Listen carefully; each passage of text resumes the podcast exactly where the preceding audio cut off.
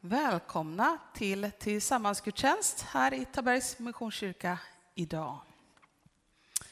Vi drar igång gudstjänsten direkt med att sjunga psalmer och sånger nummer 17, Ge Jesus ära.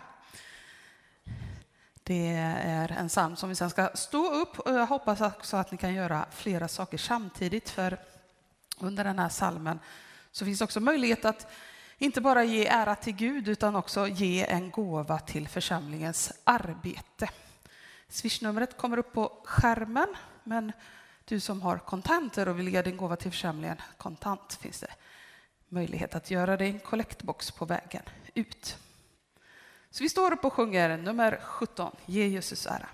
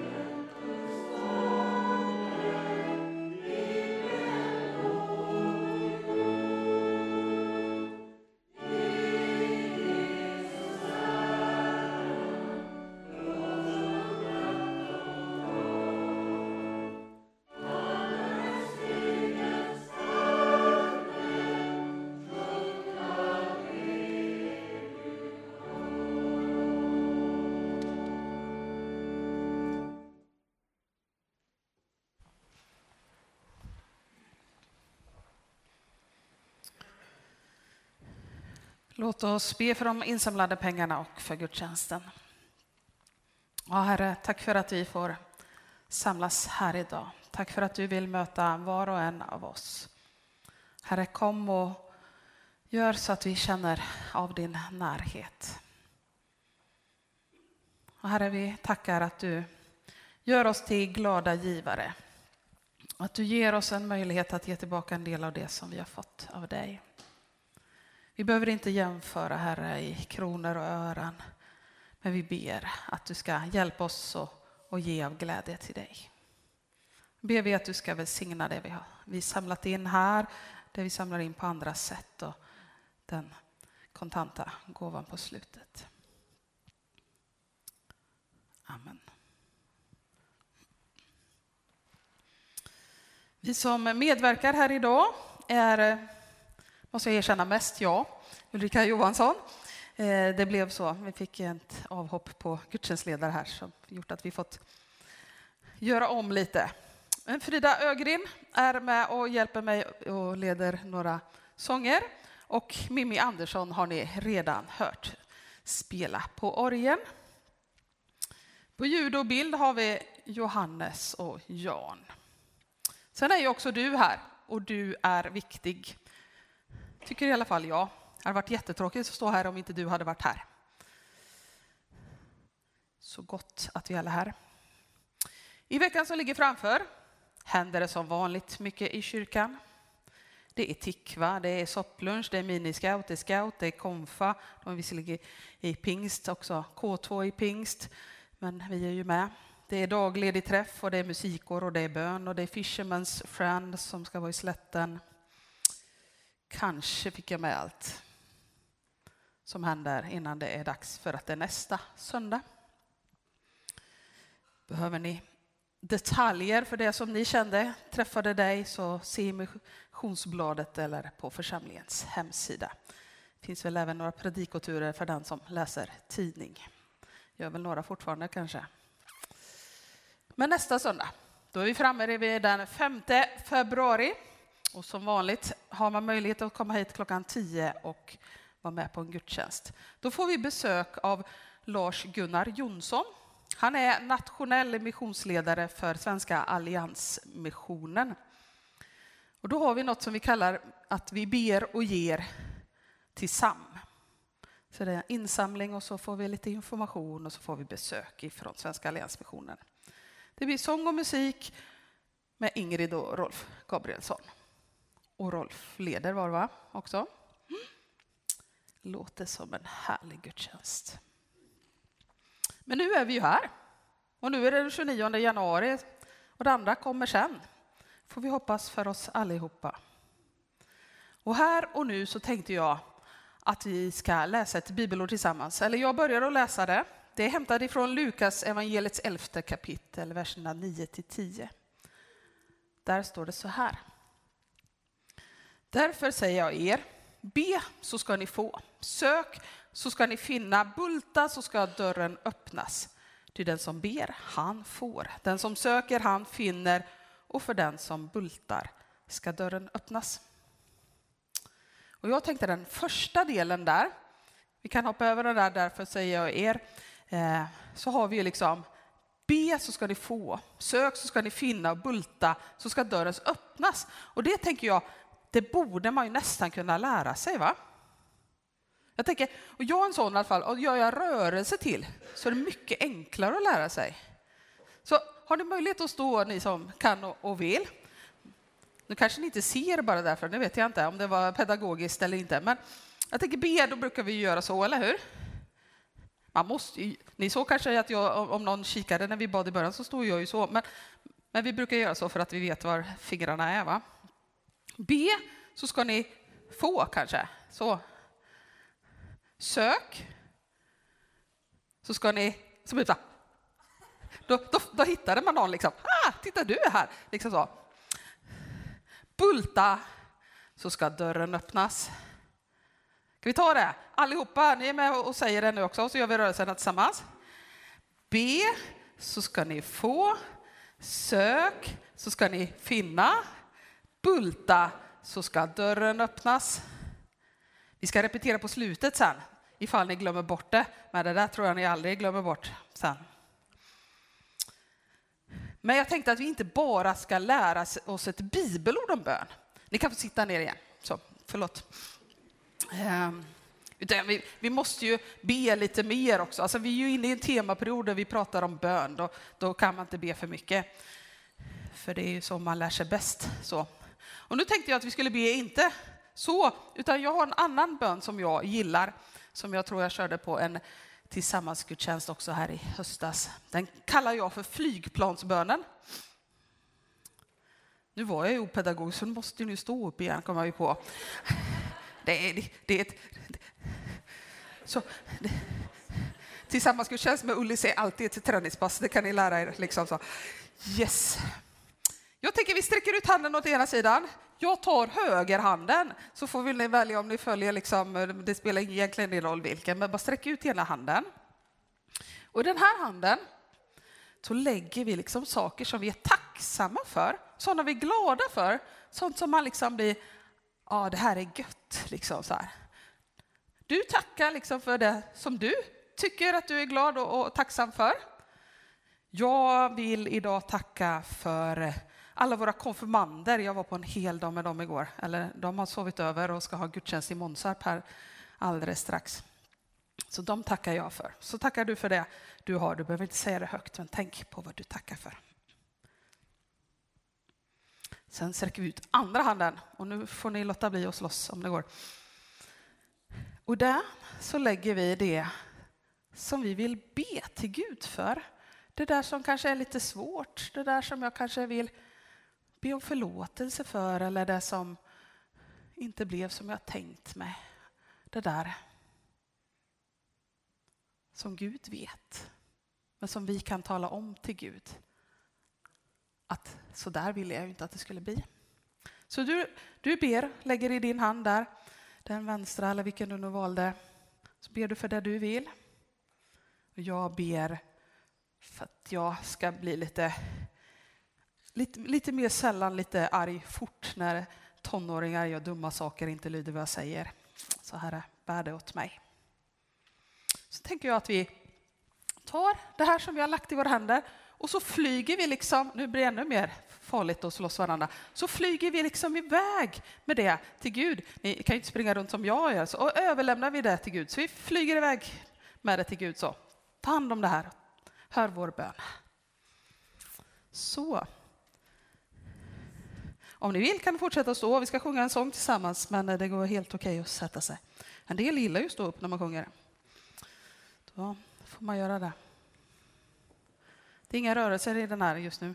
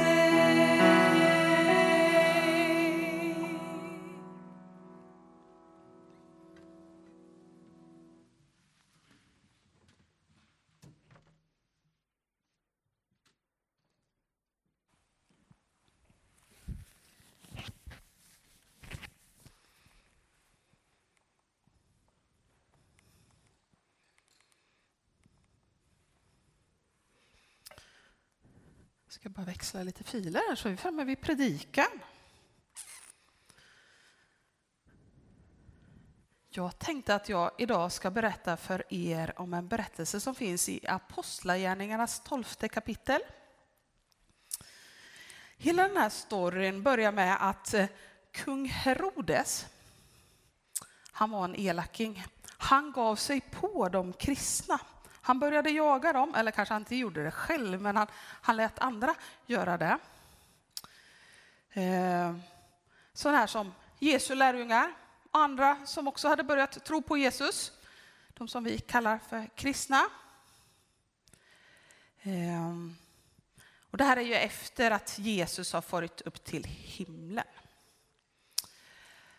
Kungen då, Herodes, han eh, såg bland annat till att lärjungen Jakob, han var brorsa till en annan lärjunge också som hette Johannes. De var söner till Sebedaios. Han var också nära vän med Jesus. Vet ni vad som hände med honom? Han blev halshuggen. Det tror jag inte är trevligt. Det testar vi inte på kungen märkte då att när han gjorde det mot Jakob så var det, var det flera människor som tyckte det var en bra grej. De liksom, jag vet inte om de jublade, men, men han kände av liksom att det här gick hem hos folket. Så då tänkte han att då tar jag en lärjunge till. Så då såg han till att Petrus också greps. Och då satte de Petrus i fängelset och han vaktades av jättemånga soldater. Flera styckna, typ 16 styckna tror jag det står i Bibeln att de var. Samtidigt, någon annanstans i den där staden, så satt liksom församlingen, alltså Petrus kompisar, alla de andra kristna, de, de satt och, och bad för Petrus. För de ville att han skulle bli frisläppt ur fängelset. Så de bad intensivt till Gud. Den där natten då, innan kungen hade liksom tänkt att nu skulle de döda Petrus också. Då låg Petrus och sov. Vet inte, tror ni han snarkade? Kanske. Eller så sov han lite oroligt kanske, för, för han låg liksom mellan två soldater. De var säkert jättestora och starka. Och så var de liksom fastkedjade. Så Petrus satt fast i två soldater. Då kanske man inte sov så, så sött. Då hände det något jättespännande. För då kom det en ängel ifrån Herren Gud till Petrus där i fängelset. Och liksom kom och liksom buffade honom i sidan. Så bara, Dags att vakna nu Petrus. Och samtidigt så bara rasade de där kedjorna som han satt fast i, de bara gick sönder. Och så han ställde sig upp och, och så sa ängeln till honom att men sätt på dig bältet här, va? det hade han väl inte på sig när han låg och sov, och sandalerna och manteln. Och så bad ängeln att han skulle hänga med ängeln. Och då gick de förbi en vakt. De gick förbi en vakt till och ingen märkte att de gick förbi dem. Så kom de fram till en järnport, alltså en jätte, jättestor kraftig dörr. Och då så öppnade den sig utan att de behövde göra någonting. Och så de kunde liksom bara gå ut där i staden. Petrus var fri. Och sen bara så var ängeln borta. Och Petrus stod nog och gnuggade sig lite i ögonen och undrade om han drömde kanske eller om han var vaken. Men han stod där utanför fängelset så insåg han vad som har hänt. Att Herren Gud hade kommit till honom och gjort att han hade blivit fri. Att han hade blivit räddad undan kung Herodes elaka planer. Då gick Petrus hem till en kvinna som heter Maria. Man tror att hon är mamma till Johannes Markus som har skrivit Marcus evangeliet ihop med Petrus. Så de var väl liksom polare där kanske. Så han gick hem till dem. Eh, för där var ju många samlade då. Kommer ni ihåg vad de gjorde? De bad. Precis, det var någon som har lyssnat i alla fall, än så länge. Och då, då kom Petrus fram där och så knackade han på dörren så. Bum, bum, bum. Och då kom det en tjej som jobbade där, som skulle låsa upp. Och så ropade Petrus, ja det är jag, öppna, öppna. Och då blev hon ju helt till sig. Liksom. Men Petrus han sitter ju i fängelse, det går ju inte. Liksom. Och så visste hon inte vad hon skulle göra. Så hon sprang till de andra som ju satt där och bad och sa, Petrus står utanför dörren. Och de bara, koko, koko. De trodde ju hon hade blivit knäpp. Alltså Petrus satt ju i fängelse, det visste de ju. De satt ju och bad för det. Men eh, Petrus stod ju fortfarande där ute och du, du, du, du, du, kom igen och öppna då, hallå det är jag. Liksom så. Medan de andra trodde att i bästa fall var det ju kanske en död Petrus, hans ängel som stod där utanför och knackade. Men det var det ju inte. Det var ju Petrus. Vi visste ju att han hade blivit frisläppt med hjälp av en ängel, vet ju vi, men det visste ju inte de där inne. Men till slut i alla fall så öppnade de dörren och då kom ju Petrus instormade och berättade allt vad som hade hänt för dem. Och så sa han, vi tar det lite lugnt här nu va. Så. Men berätta för alla mina andra kompisar. Det fanns en annan Jakob, inte den som hade blivit halshuggen utan Jesus bror Jakob. Honom var viktigt att han fick reda på det och några andra av de här lärjungarna. Men sen så drog Petrus därifrån. För jag tror han var fortfarande lite rädd för Herodes och hans soldater. Så han gick nog och gömde sig, begav sig till en annan plats.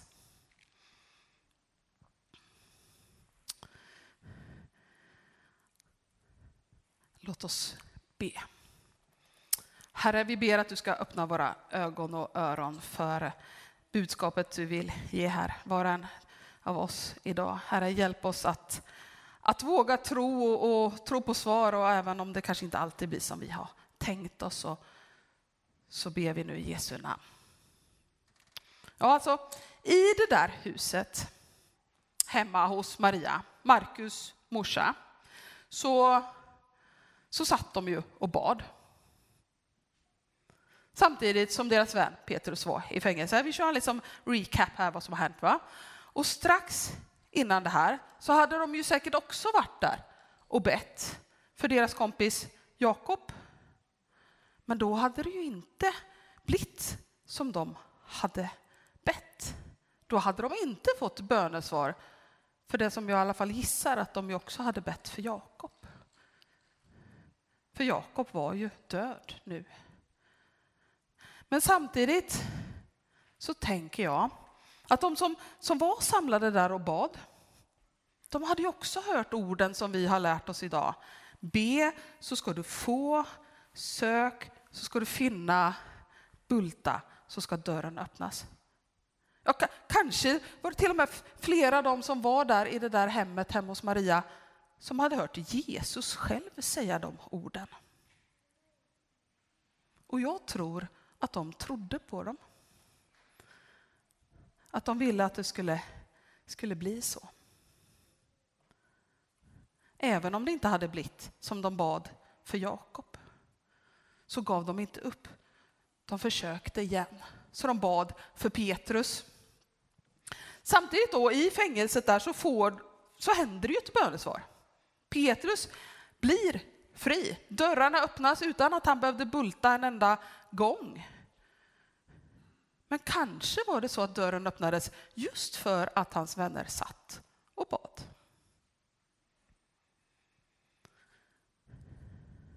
I alla fall, den där gången så, så svarade Gud precis det som de hoppades på, det som de bad om.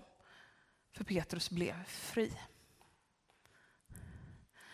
Men jag funderar när jag läser det här, vad, liksom, vad gjorde den här erfarenheten av att de inte hade fått svar på sina böner om Jakob?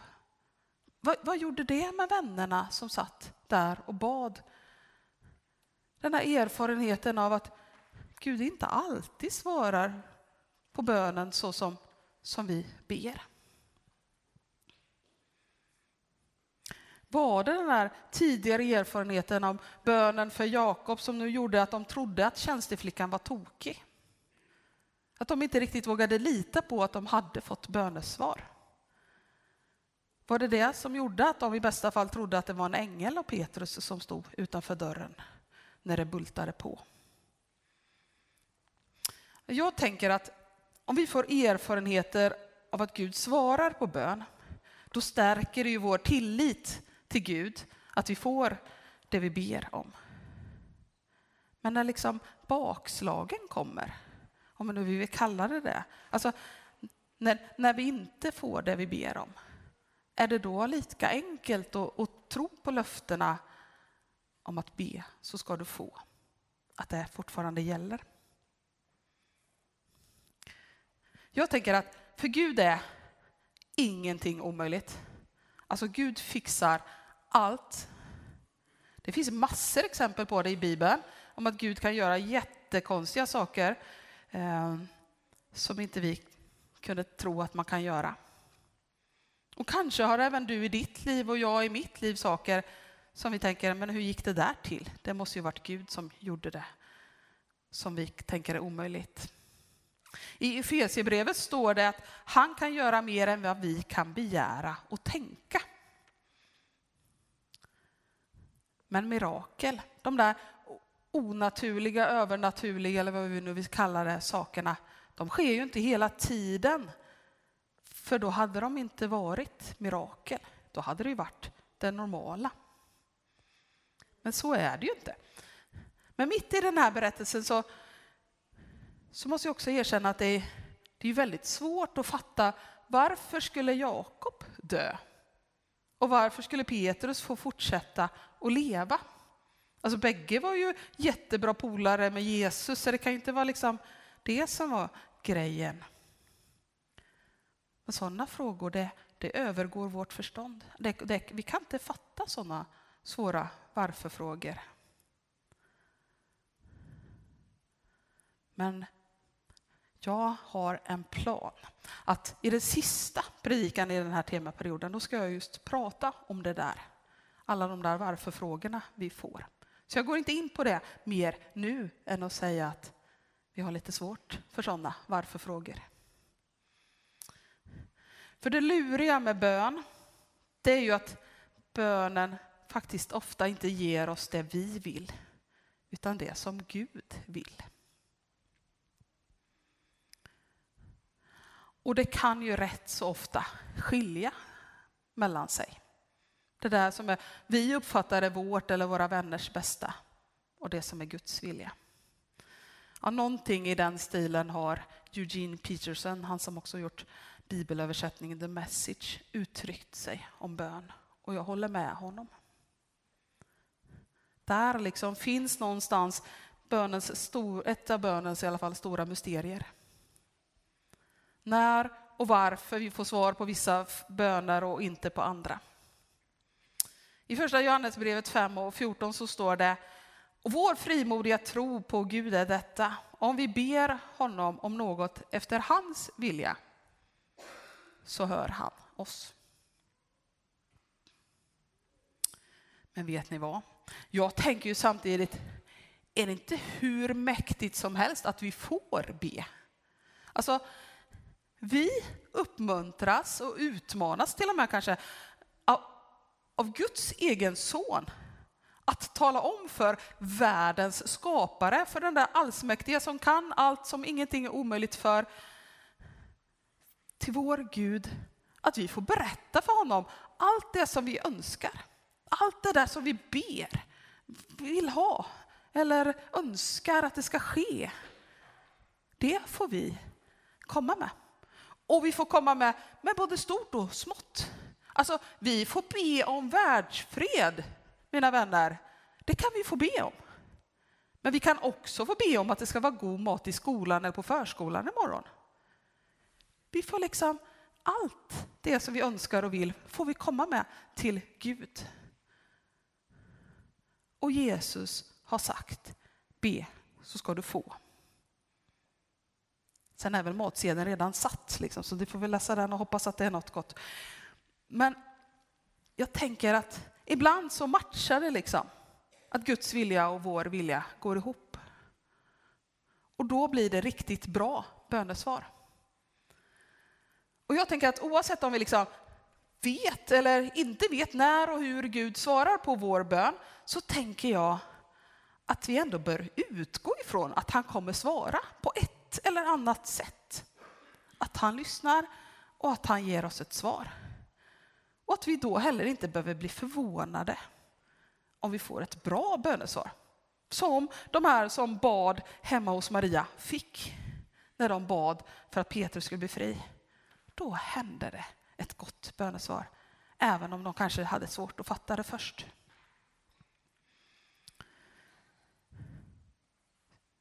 Sen tror jag att vi faktiskt kan bli bättre och bättre på att fatta vad, vad, Gud, vad, vad Gud vill, vad som är Guds vilja med våra liv och våra vänner och allt det som vi står inför och ber för.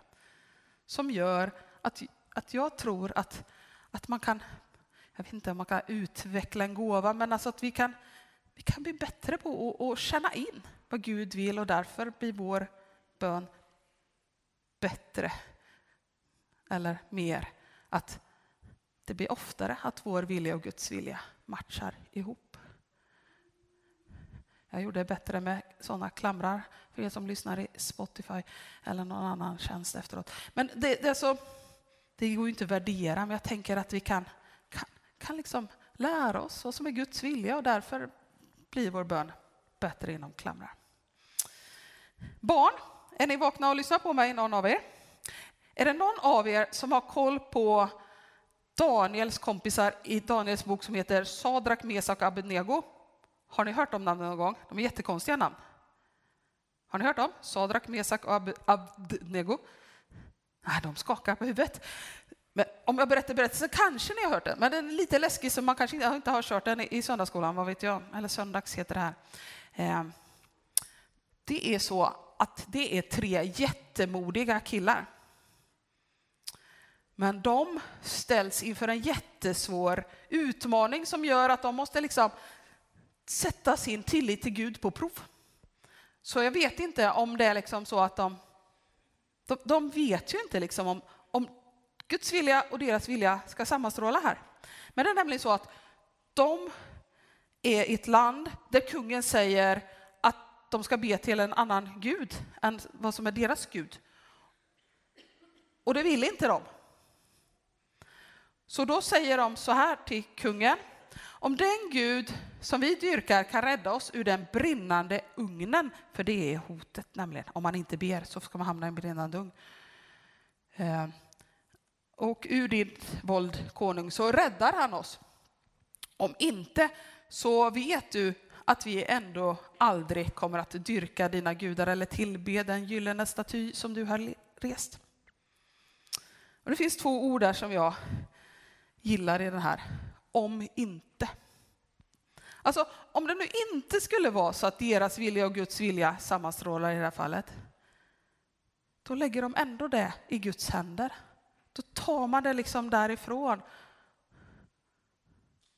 Och skulle det vara så att de, det inte skulle gå bra i den brinnande ugnen, vilket det gör, spoila berättelsen här nu då, det går jättebra. Gud skickar en ängel dit också, det går jättebra.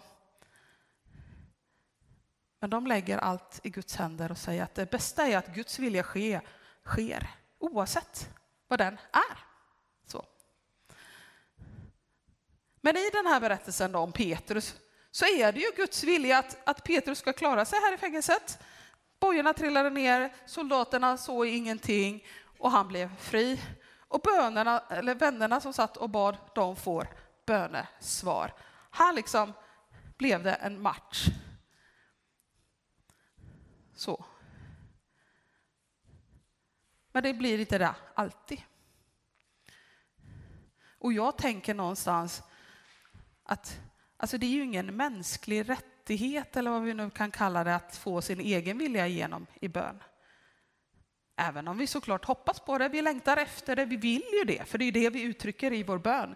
Eh, men kanske blir det också så att när liksom böner inte alltid blir som vi vill, då kanske vi blir gladare över de där bönerna när vi får svar och det går som vi vill och Guds och det sammanstrålar. Jag vet inte om det är en bra liknelse, men om man har varit utomlands någonstans i ett land där det inte är lika lika bra som i Sverige så kan man ju tänka att man blir ganska glad över att vi har det mycket bättre än vad de har. När det ställs i kontrast. Medan när man är här hemma och har varit här flera år och det har varit corona, man kan inte resa någonstans, så, så glömmer man bort hur bra vi har det. Lätt. Och lite så kanske det också är. Om vi bara skulle få bönesvar hela tiden, då, då hade vi kanske inte uppskattat det lika mycket som när vi inte får det hela tiden. Jag, jag vet inte om det är en bra liknelse. Men samtidigt så är det ju inte förvånande att liksom Petrus vänner där satt i fängelset. Att de var, eller när, de satt i, när han var i fängelse så satt de där och bad. Att de, sen när han kom och knackade på, att de var lite trögfattade och inte fattade att de hade fått bönesvar direkt. Att det var liksom det konkreta bönesvaret som stod och knackade på dörren. Att tjänsteflickan hade rätt.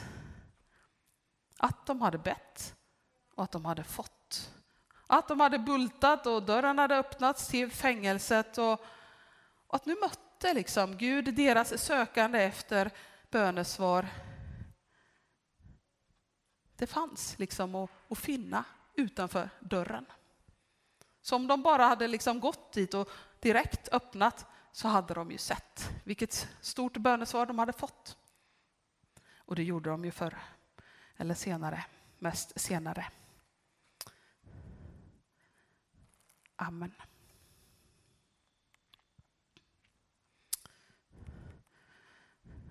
Nu ska vi sjunga en sång tillsammans. Det är rörelse till den. Vi sjöng den på scoutgudstjänsten i eh, höstas. Den heter Jesus vill bo i mitt hjärta, bom bom. Eller när den heter Jesus vill bo i mitt hjärta. Så då måste man ju stå upp. Träningspass var det ju. Och då är rörelserna så, va? Jesus vill bo i mitt hjärta, bom, bom. Fastän han bor i himmelen, wow. Jesus vill bo i mitt hjärta, bom, bom. Han vill också bo i dig. Och så pekar ni på någon bra. Kommer ni ihåg det eller behöver vi repetera? Det går bra. Vad bra. För jag kan ju inte visa rörelsen när jag spelar gitarr också. Det blir svårt. Eh, Eh, det är lite verser emellan, men ni sjunger med på refrängen. Så får vi hoppas att min röst fortsätter att hålla någorlunda så jag kan sjunga dem.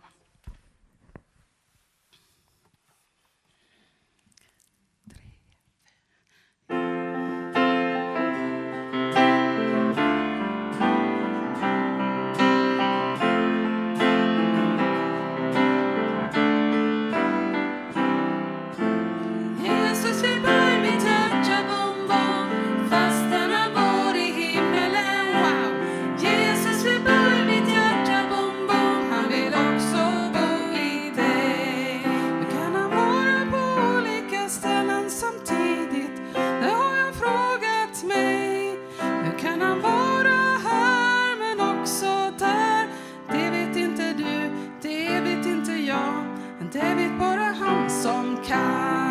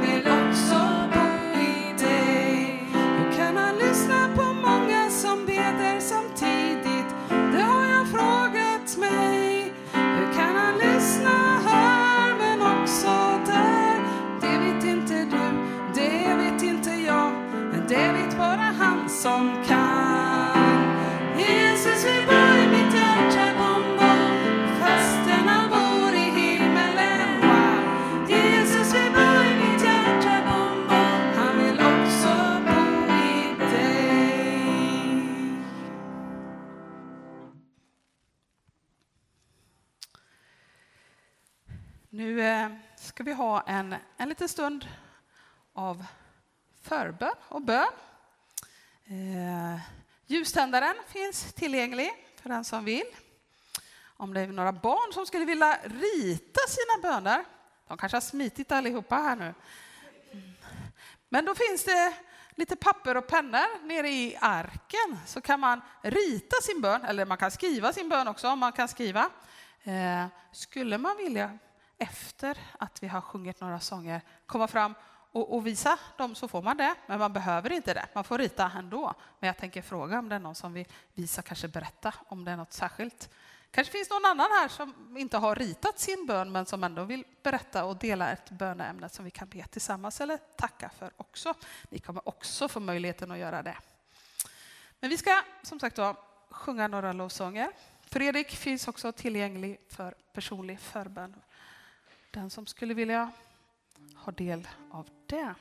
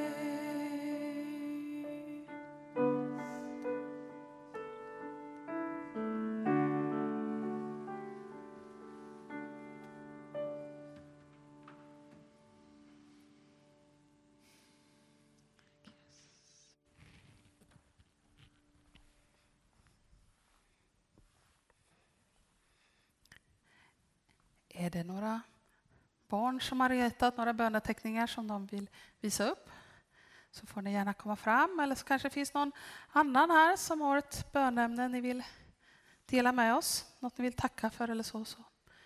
Finns det en här.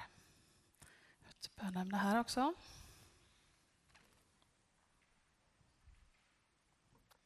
Kommer några här?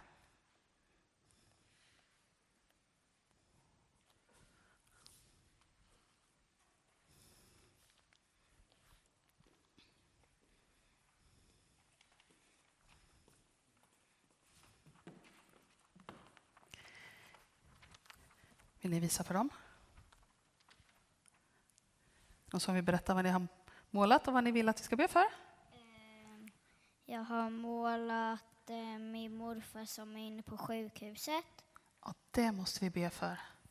Bra förslag. Vill du tala om vad du vill att vi ska be för? Eh, Att ha fred på jorden. Ja, det sa jag i min predikan att vi får be för, så det är ju jättebra förslag.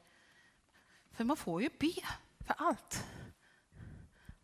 Och Gud ser era teckningar där ni som inte har kommit fram också.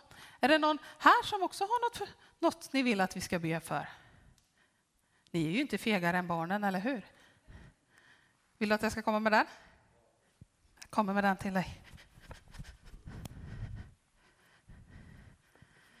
Jag vill att det ska vara fred på jorden. Det tror jag att vi är många som vill. Något vi ska tacka för? Något gott som har hänt kanske? Ni kan göra det själv också. Gud hör ju alla böner vare sig vi säger dem högt i en mikrofon eller inte. Vill ni stå kvar medan jag ber för dem? Annars får ni gå och sätta er om ni vill. Det går bra. Så har vi ett bönämne här också.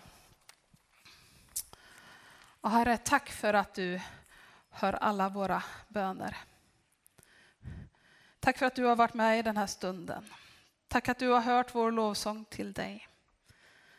Tack för att du vet precis vad var och en har tänkt och bett till dig i den här stunden. Du har hört allt. Du vet vad ljusen som har tänts, vad de symboliserar. Du har hört och vet bönerna i vårt hjärta som, som vi inte ens kan formulera. Herre, så, så vill vi be för de här bönerna. Dels det här som jag har i handen. Du vet, Herre Jesus, allt vad det handlar om. Herre, kom och var med i den situationen. Eller tack för det som vi tackar för i lappen. Du vet, Herre, vad som står där. Och herre, så ber vi att du ska vara med den här morfar som ligger på sjukhus. Herre, du känner honom. Herre, kom och var nära honom här och nu. Kom och hjälp honom. Och vi ber att han ska bli frisk igen så han får komma hem. Det ber vi Herre. Herre så, så ser du vår längtan efter att det ska bli fred på jorden. Herre, vi vill inte att människor ska vara krig, hålla på och kriga. Vi vill inte att folk ska slåss och göra dumma saker mot varandra. Vi vill inte att, att det ska vara mäktiga personer som säger vad andra ska göra. Att det ska vara onda handlingar de begär att de ska göra. Så Herre, vi ber att du ska komma med, med fred till din jord. Kom in i varenda oroshärd, varenda krigshärd. Och kom med försoning istället för med krig. Herre, det här ber vi om. Vi längtar efter det kanske ännu mer längtar de folk som är mitt uppe i krigen om det. Och vi ber att du ska ge dem en uthållighet och att de ska känna din närhet mitt i det de är i just nu. Men vi ber att det ska ta slut. Att krigen ska försvinna och att det ska bli fred på vår jord. Och tack Herre för att du hör våra böner. Tack för att vi får komma till dig med allt. Amen.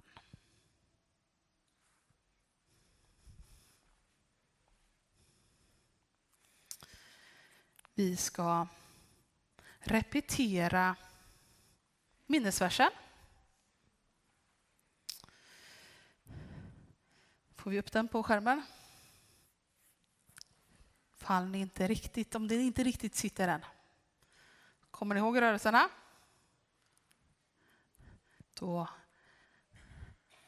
säger vi be så ska du få, sök så ska du finna, bulta så ska dörren öppnas. Och innan vi ska gå och få fika så tänkte vi att vi ska sjunga välsignelsen tillsammans. För allt det där som vi behöver ha Herrens välsignelse till. Allt det där som vi behöver ha hans frid in i våra liv. Var med och sjung det tillsammans och önska det också till varandra.